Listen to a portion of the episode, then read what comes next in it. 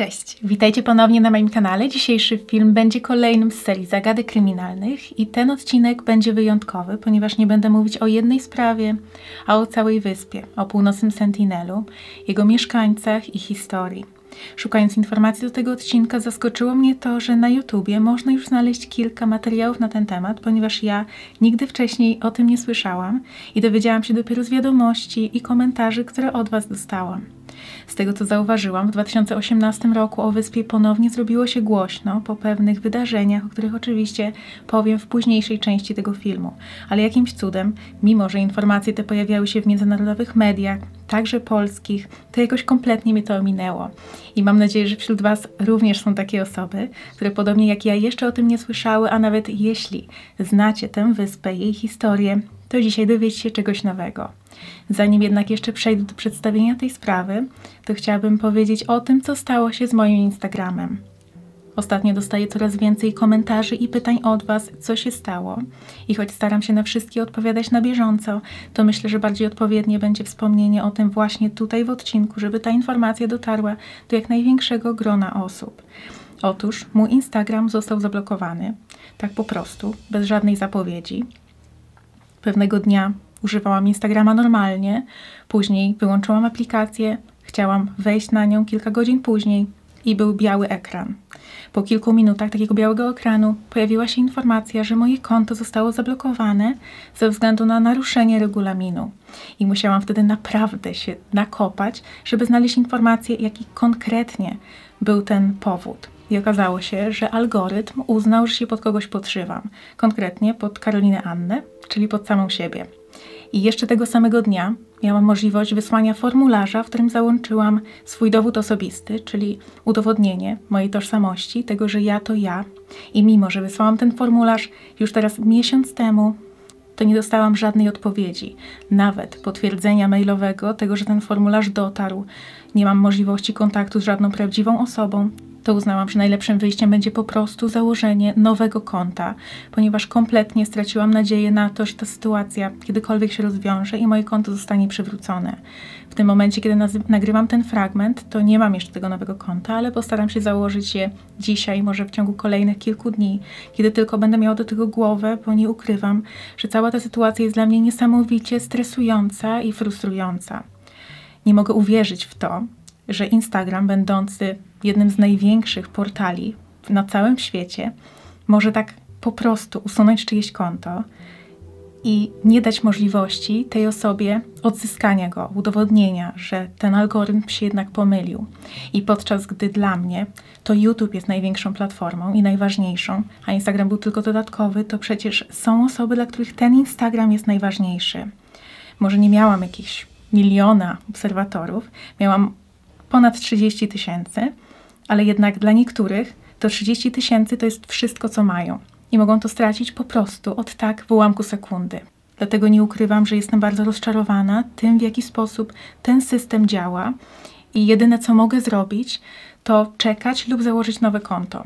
Dlatego teraz na ekranie pojawi się moja nowa nazwa użytkownika. Oczywiście w opisie pod tym odcinkiem znajdziecie linki. Jeśli chcielibyście mi pomóc odbudować to, co tworzyłam przez ostatnie lata, ponieważ ja swoje konto na Instagramie miałam już od około 5 lat, to kliknijcie po prostu w link pod tym filmem albo wyszukajcie moje nowe konto i zaobserwujcie mnie tam. Postaram się tam być jak najbardziej aktywna, jak tylko mogę i oczywiście wrócę do odpowiadania na Wasze wiadomości, ponieważ był to mój główny kanał jak do tej pory, właśnie takiego bezpośredniego kontaktowania się z Wami, czyli moimi widzami. Staram się odpowiadać na komentarze, jednak dostawałam na Instagramie bardzo dużo wiadomości, a teraz to wszystko po prostu zniknęło. Dlatego Przepraszam, że tak długo o tym mówiłam. Jak widzicie, jest to temat, który niesamowicie mnie denerwuje ostatnio i stresuje, ale teraz postaram się już przejść spokojnie do tematu dzisiejszego odcinka, czyli do historii północnego Sentinelu. Jeśli chcielibyście poznać szczegóły, to zapraszam do oglądania. Sentinel Północny jest jedną z wysp archipelagu Andamanów w Zatoce Bengalskiej. Kształt tej wyspy jest dość unikatowy, ponieważ przypomina kwadrat o zaokrąglonych rogach. Od 1947 roku wyspa jest częścią indyjskiego terytorium związkowego Andamany i Nikobary, ale w praktyce mieszkańcy pozostają w dobrowolnej izolacji i nie mają na nich wpływu żadne zewnętrzne władze i polityki. Archipelag Andamanów został po raz pierwszy zauważony przez podróżników z zachodu w XIV wieku, kiedy Marco Polo, wenecki kupiec i podróżnik, dotarł do wybrzeży Azji. Nie jest pewne, czy podróżnik kiedykolwiek faktycznie widział mieszkańców wysp, czy może opisał ich, nie mając z nimi bezpośredniego kontaktu. Wiadomo, że napisał, że wyglądają jak ludzie, chociaż ich twarze przypominają bardziej psy lub wilki. Określił ich jako dzikich, brutalnych i agresywnych. Nie był to opis dotyczący konkretnie północnego Sentinelu, a ogólnie mieszkańców archipelagu. Bardziej konkretne wzmianki pojawiły się dopiero 300 lat później, kiedy zaobserwowano, że na Sentinelu północnym jest światło i dym, co oznaczało, że mieszkają tam ludzie. Wyspę zamieszkują Sentinelczycy, którzy tworzą społeczeństwo zbieracko-łowieckie, czyli takie, w którym zdobywanie pożywienia opiera się na zbieraniu jadalnych roślin oraz polowaniu i nie dąży się do udomowienia zwierząt lub uprawy własnych roślin. Posługują się łukami i oszczepami oraz budują czółna, którymi mogą wypływać na zatokę i łowić ryby. Z powodów, o których wspomnę więcej jeszcze w późniejszej części tego odcinka, nie da się dokładnie oszacować, ile osób mieszka na wyspie. W źródłach można znaleźć wiele różnych informacji, ale najczęściej określa się populację jako około 300 osób. Wiadomo także, że posługują się własnym językiem sentinelskim. Do kolonizacji archipelagu Andamanów z wyłączeniem północnego Sentinelu doszło w drugiej połowie XIX wieku. W 1858 roku na wyspy dotarli Brytyjczycy i rdzeni mieszkańcy zostali zdziesiątkowani. Powodem były oczywiście starcia z przybyszami, którzy dysponowali bronią palną, ale także choroby. Ze względu na to, że tubylcy żyli w izolacji przez setki lat, to nie mieli wyrobionej odporności na bakterie i wirusy powszechne w Europie czy w Amerykach. Z doniesień wynika, że z kilku tysięcy osób Zostało wtedy niecałe dwadzieścia. I to nie był jedyny niszczycielski w skutkach kontakt, jaki tubylcy mieli ze światem zewnętrznym. W XIX i XX wieku regularnie na wyspy przybywali obcy z mniej lub bardziej dobrymi intencjami. Atakowali, porywali, zarażali i to wszystko w imię nauki lub humanizmu. Maurice Vidal Portman, brytyjski oficer marynarki, stacjonował w Port Blair, mieście na wyspie Andaman Południowy w 1879 roku. Przydzielono mu funkcję oficera dowodzącego Andamańczykami i w sumie obejmował to stanowisko przez 20 lat. Według doniesień Portman miał mieć niezdrową obsesję na punkcie członków plemion i przyczynił się do wielu krzywd, które ich spotkały. W tym czasie przebywał też raz na Sentinelu Północnym i tam również przywiózł dziesiątkujące zarazki. Gdy już jakiś czas później próbował wrócić na wyspę, spotkał się z wrogością mieszkańców i musiał uciekać. W wyniku tego wielokrotnego oporu i złej sławy, jaką wydarzenia historyczne przyniosły Sentinelczykom, do dzisiaj są oni jednym z ostatnich ludów, które nigdy nie miały przez dłuższy czas kontaktu ze światem zewnętrznym i współczesną cywilizacją. Są znani przede wszystkim ze swojej agresji i niechęci do przybyszów. Wszelkie informacje na temat ich życia codziennego, tradycji i obyczajów muszą być pozyskiwane z bezpiecznej odległości, czyli bez wchodzenia na wyspę. W ciągu ostatnich stu lat miało miejsce kilka prób nawiązania z nimi kontaktu, które zawsze kończyły się niepowodzeniem, żeby nie powiedzieć tragedią. Z obserwacji wynika jednak, że ten brak kontaktu z innymi cywilizacjami nie ma negatywnego wpływu na życie mieszkańców. Wyglądają na zdrowych i prosperujących. Warto także wspomnieć, że czas się tam nie zatrzymał. Z tego co wiadomo, ich sposób życia, narzędzia, struktury społeczne ewoluowały na przestrzeni dekad i stuleci. Aktualnie do konstrukcji broni używają np. metalu, który pozyskują z wraków statków i samolotów, które ocean wyrzuca na brzeg. Podczas kolonizacji archipelagu w drugiej połowie XIX wieku na jednej z wysp Brytyjczycy założyli kolonię karną, czyli swego rodzaju więzienie, miejsce, gdzie wysyłani byli skazani, żeby odsiadywać swoje wyroki. I na przestrzeni lat miało miejsce kilka takich przypadków, w których tym skazanym udało się opuścić wyspy i dobić do brzegów innych, w tym północnego Sentinelu. Jednak w tych przypadkach za każdym razem kończyło się to dla nich źle. Żaden z nich nie uszedł życiem. Najbardziej znany tego typu incydent miał miejsce w 1896 roku, kiedy to grupie więźniów udało się na ręcznie zrobionej łodzi opuścić Wielki Andaman i dopłynęli do Sentinelu, jednak już niedługo później ich ciała zostały znalezione na plaży. Gdy Indie odzyskały niepodległość, ogłoszono całkowity zakaz odwiedzania północnego Sentinelu, i wyspa stała się swego rodzaju rezerwatem, który nie powinien być naruszony przez wpływ zewnętrznych cywilizacji. Jednak to zmieniło się już w latach 60. XX wieku, kiedy to grupa naukowców ponownie wybrała się na wyspę. Z doniesień wynika, że nie wszyscy uczestnicy tej wyprawy zdawali sobie sprawę, jak bardzo nieprzychylni i agresywni są rdzenni mieszkańcy Sentinelu. Podczas wizyty nie spotkali żadnych mieszkańców, choć udało im się trafić na kilka zamieszkałych chat, w którym znajdowało się świeże jedzenie i niedawno zgaszone ognisko. Wszystko wskazywało więc na to, że mieszkańcy ukryli się i najprawdopodobniej obserwowali intruzów z bezpiecznej odległości. Po tym opisie można wnioskować, że ludność tubylcza nie była z natury agresywna, a po prostu zdeterminowana, żeby bronić swojego. Nie chcieli konfliktów, a spokoju, co jest jak najbardziej zrozumiałe.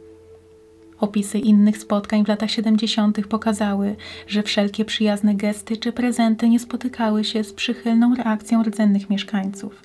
Nie można jednak tej sytuacji oceniać tak jednostronnie. Te gesty, które są oczywiste czy zrozumiałe na Zachodzie i w krajach rozwiniętych, niekoniecznie muszą być jasne dla członków plemienia, którzy żyli w izolacji od setek lat. Dodatkowo z tej całej historii spotkań wynika, że dla Sentinelczyków najważniejszy jest spokój i ochrona tego, co mają. Wcale nie chcą żadnej pomocy, a tym bardziej prezentów. Z pewnością ogromną rolę odgrywa tutaj także pamięć o tych wydarzeniach historycznych. Na pewno te traumatyczne skutki wcześniejszych spotkań z innymi cywilizacjami, czyli te pogromy i niebezpieczne choroby, były przekazywane z pokolenia na pokolenie, i przez to dzieci od razu uczą się, że powinny być niepewne i nieufne wobec wszelkich obcych. W latach 90. miało miejsce kilka kolejnych wypraw, ale żadne nie zakończyły się sukcesem. To jest nawiązaniem przyjacielskich relacji z tubylcami. W 2004 roku doszło do trzęsienia ziemi na Oceanie Indyjskim, które wywarło permanentne skutki na ukształtowaniu terenu na tamtejszych wyspach. Doszło wtedy nie tylko do przejścia tsunami, ale także przechylenia płyty tektonicznej. Północny Sentinel był ze wszystkich stron w odległości mniej więcej kilometra otoczony rafami koralowymi. Sama powierzchnia wyspy była i jest w większości pokryta lasami. Trzęsienie skutkowało podniesieniem się raf i powstaniem laguny oraz powiększeniem się powierzchni samej wyspy. Podjęto próby sprawdzenia, w jakim stanie znajduje się północny Sentinel po przejściu tsunami – tym celu latano nad wyspą helikopterem i choć nie udało się stwierdzić dokładnie, jak zmiany wpłynęły na mieszkańców, to helikopter został zaatakowany strzałami, co wskazywało na to, że przynajmniej część ludności ma się dobrze. Ciągu kolejnych lat miało miejsce kilka przypadków, w których grupy rybaków dobijały do brzegów wyspy. Część robiła to intencjonalnie, część przypadkowo, a część ze względu na problemy z łodziami. Za każdym razem byli atakowani przez tubylców. Od 2005 roku ogłoszono kategoryczny zakaz odwiedzania wyspy. Jedyne wyprawy mogły być organizowane przez rząd indyjski albo za jego zgodą i ograniczały się do przekazywania darów i prezentów tubylcom. Wszyscy, którzy odwiedzali wyspę, musieli trzymać się na bezpieczną odległość, czyli poza zasięgiem strzał. Część z tych darów była przyjmowana, takie jak na przykład naczynia albo wyroby metalowe, a część była ostentacyjnie niszczona na oczach przybyszów, tak żeby pokazać brak poszanowania dla tego gestu i niechęć do jakichkolwiek obcych. Od tamtego czasu w mediach wieści o północnym Sentinelu pojawiały się bardzo rzadko, jeśli wcale. Jednak to miało zmienić się w 2018 roku. W listopadzie świat obiegły wieści o wyprawie na Sentinel amerykańskiego misjonarza. 26-letni John Allen Chow, misjonar z Alabamy, obrał sobie za cel zyskanie sympatii ludu tubylczego i nawrócenie ich na chrześcijaństwo. W połowie listopada mężczyzna postanowił nielegalnie dostać się na wyspę dzięki pomocy lokalnych rybaków, a ostatni odcinek miał pokonać w kajaku. Łódź rybacka nie zostawiła go oczywiście samego. Czekała na jego powrót, który nastąpił dość szybko, ponieważ mieszkańcy wyspy zaczęli strzelać do niego z łuku, zanim dobił do brzegu i musiał zawrócić. John opisywał całą swoją wyprawę w pamiętniku i z zapisków wynika, że doskonale zdawał sobie sprawę z tego, jak poważne konsekwencje zdrowotne dla odizolowanych mieszkańców może mieć kontakt z kimkolwiek ze świata zewnętrznego. Próbował się więc dobrze do tego przygotować. Przez długi czas przebywał na kwarantannie, a przez kilka dni przed tą ostateczną wyprawą nie wychodził na słońce. O dziwo, choć trudno w to uwierzyć, mężczyzna miał bardzo pozytywne oczekiwania co do tego spotkania. Miał ze sobą prezenty i chciał nimi zyskać przychylność tubylców i następnie przekonać ich do swojej wiary, mówiąc, że Bóg ich kocha. Po tej pierwszej, nieudanej próbie dopłynięcia do brzegu nie miał zamiaru się poddać. Jeszcze tego samego dnia wieczorem spróbował jeszcze raz i udało mu się dotrzeć na plażę. Został wtedy otoczony przez tubylców, których rozśmieszyło, gdy John próbował powtarzać to, co do niego mówili. Najprawdopodobniej go wtedy obrażali. W pewnym momencie jednak ktoś oddał strzał z łuku. Strzała trafiła w Biblię, którą trzymał 26-latek. Mężczyzna oddał wtedy książkę mieszkańcom i postanowił odpłynąć. Jego kajak został już ukradziony, dlatego musiał o własnych siłach próbować dostać się na łódź rybacką. Niestety, te dwie próby dla Johna to było za mało. Następnego dnia zdecydował się spróbować jeszcze raz. W pamiętniku napisał, że się boi, ale że warto podjąć ryzyko, żeby głosić słowo Boga. Zastanawiał się też, czy wyspa jest ostatnią twierdzą szatana, miejscem, gdzie nikt nie słyszał jeszcze imienia Jezusa. 16 listopada ponownie dobił do brzegu i wkrótce zniknął w zaroślach na wyspie. Rybacy niecierpliwie czekali na jego powrót, który miał już nigdy nie nastąpić. Według doniesień załogi łodzi 17 listopada rano na plaży pojawiła się grupa tubylców, która zakopała ciało Johna na ich oczach. Rybacy oraz przyjaciele 26-latka, którzy pomagali mu dostać się na wyspę, zostali aresztowani.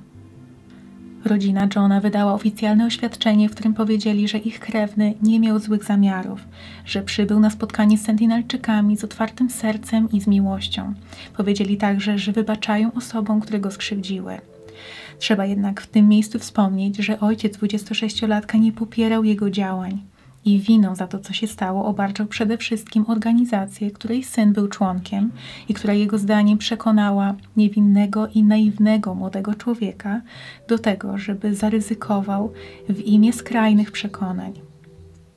Cała ta sytuacja jest bardzo trudna do jednoznacznego ocenienia, ponieważ mało kto z nas jest w stanie postawić się na miejscu osoby, która tak bardzo chce przekonać innych do swoich racji, że jest gotowa zrobić wszystko i poświęcić bardzo wiele i dosłownie przyjechać do czyjegoś domu bez zaproszenia, z buciorami, jak to się mówi, i oczekiwać ciepłego przyjęcia. Analizując reakcję świata na te wydarzenia, można zauważyć, że wszyscy podzielili się na dwa obozy. W wielu mediach pojawiły się informacje o szlachetnym poświęceniu, które jest imponujące, ale z drugiej strony, i takich głosów było znacznie więcej, mówiono o bezsensowności i samolubności tej wyprawy. W tej sytuacji nie ma żadnych korzyści i wygranych. Poszkodowane są osoby, które mu pomagały, tubylcy, których najechał obcy oraz oczywiście sam John z oczywistych powodów. Ta cała sytuacja nie powinna nigdy mieć miejsca i jasno pokazują to nie tylko doświadczenia historyczne, ale nawet przepisy prawne. I to są właśnie najnowsze informacje płynące z wyspy Północny Sentinel aspekt tego agresywnego reagowania na pomoc humanitarną dla nas może wydawać się czymś niezrozumiałym i wręcz niedopuszczalnym, jednak trzeba spojrzeć na tę sprawę także z tej drugiej strony. Te osoby nie mają dostępu do wiadomości ze świata, nie wiedzą na czym taka pomoc polega, nie wiedzą jakie intencje mają przybysze, zdają sobie sprawę z tego, jak ogromne konsekwencje miały wcześniejsze wizyty osób ze świata zewnętrznego i obawiają się, że to wszystko, na co pracowały dziesiątki pokoleń, zostanie im odebrane. Patrząc na to z tej strony, ta agresja jest zrozumiała i wręcz logiczna. Nie wiemy, czy Sentinelczycy zdają sobie sprawę z tego, co stało się z innymi plemiony, plemionami zamieszkującymi pozostałe wyspy archipelagu. Jednak my, wiedząc co dokładnie ich spotkało i jakie tragiczne skutki miały kontakty z Brytyjczykami, nie możemy mieć im za złe tej niechęci. W wielu źródłach genezy niechęci doszukuje się w działaniach wspomnianego już przeze mnie wcześniej brytyjskiego oficera Morisa Portmana. Dzisiaj nie zagłębiałam się w niuanse dokonanej przez niego pracy, mówiąc w cudzysłowie, jednak z doniesień wynika, że była ona znacznie bardziej niemoralna niż powszechnie się uważa. I jeśli to wszystko prawda, to agresja mieszkańców wobec obcych jest jak najbardziej uzasadniona. W dzisiejszych czasach nie doszłoby już do tak bezwzględnych podbojów jak w XVI wieku, albo nawet jeszcze 100 lat temu, ale na pewno Sentinelczycy straciliby przynajmniej część z życia i spokoju, jakie znają obecnie. Najbardziej widoczne jest to, patrząc na kontrast między tym, w jakim stanie aktualnie znajdują się Sentinelczycy, a jak mają się inne plemiona zamieszkujące ten sam archipelag podczas gdy ci pierwsi są zdrowi i prosperujący i co jakiś czas na brzegach można zauważyć przechadzające się kobiety w ciąży i dzieci, to ci pozostali wielcy Andamanie, którzy kiedyś składali się z dziesięciu niezależnych plemion, z których każde dzieliło od 200 do 700 członków, teraz pozostaje tylko 25 osób. Żyją one w rezerwatach i są wspierane przez rząd indyjski.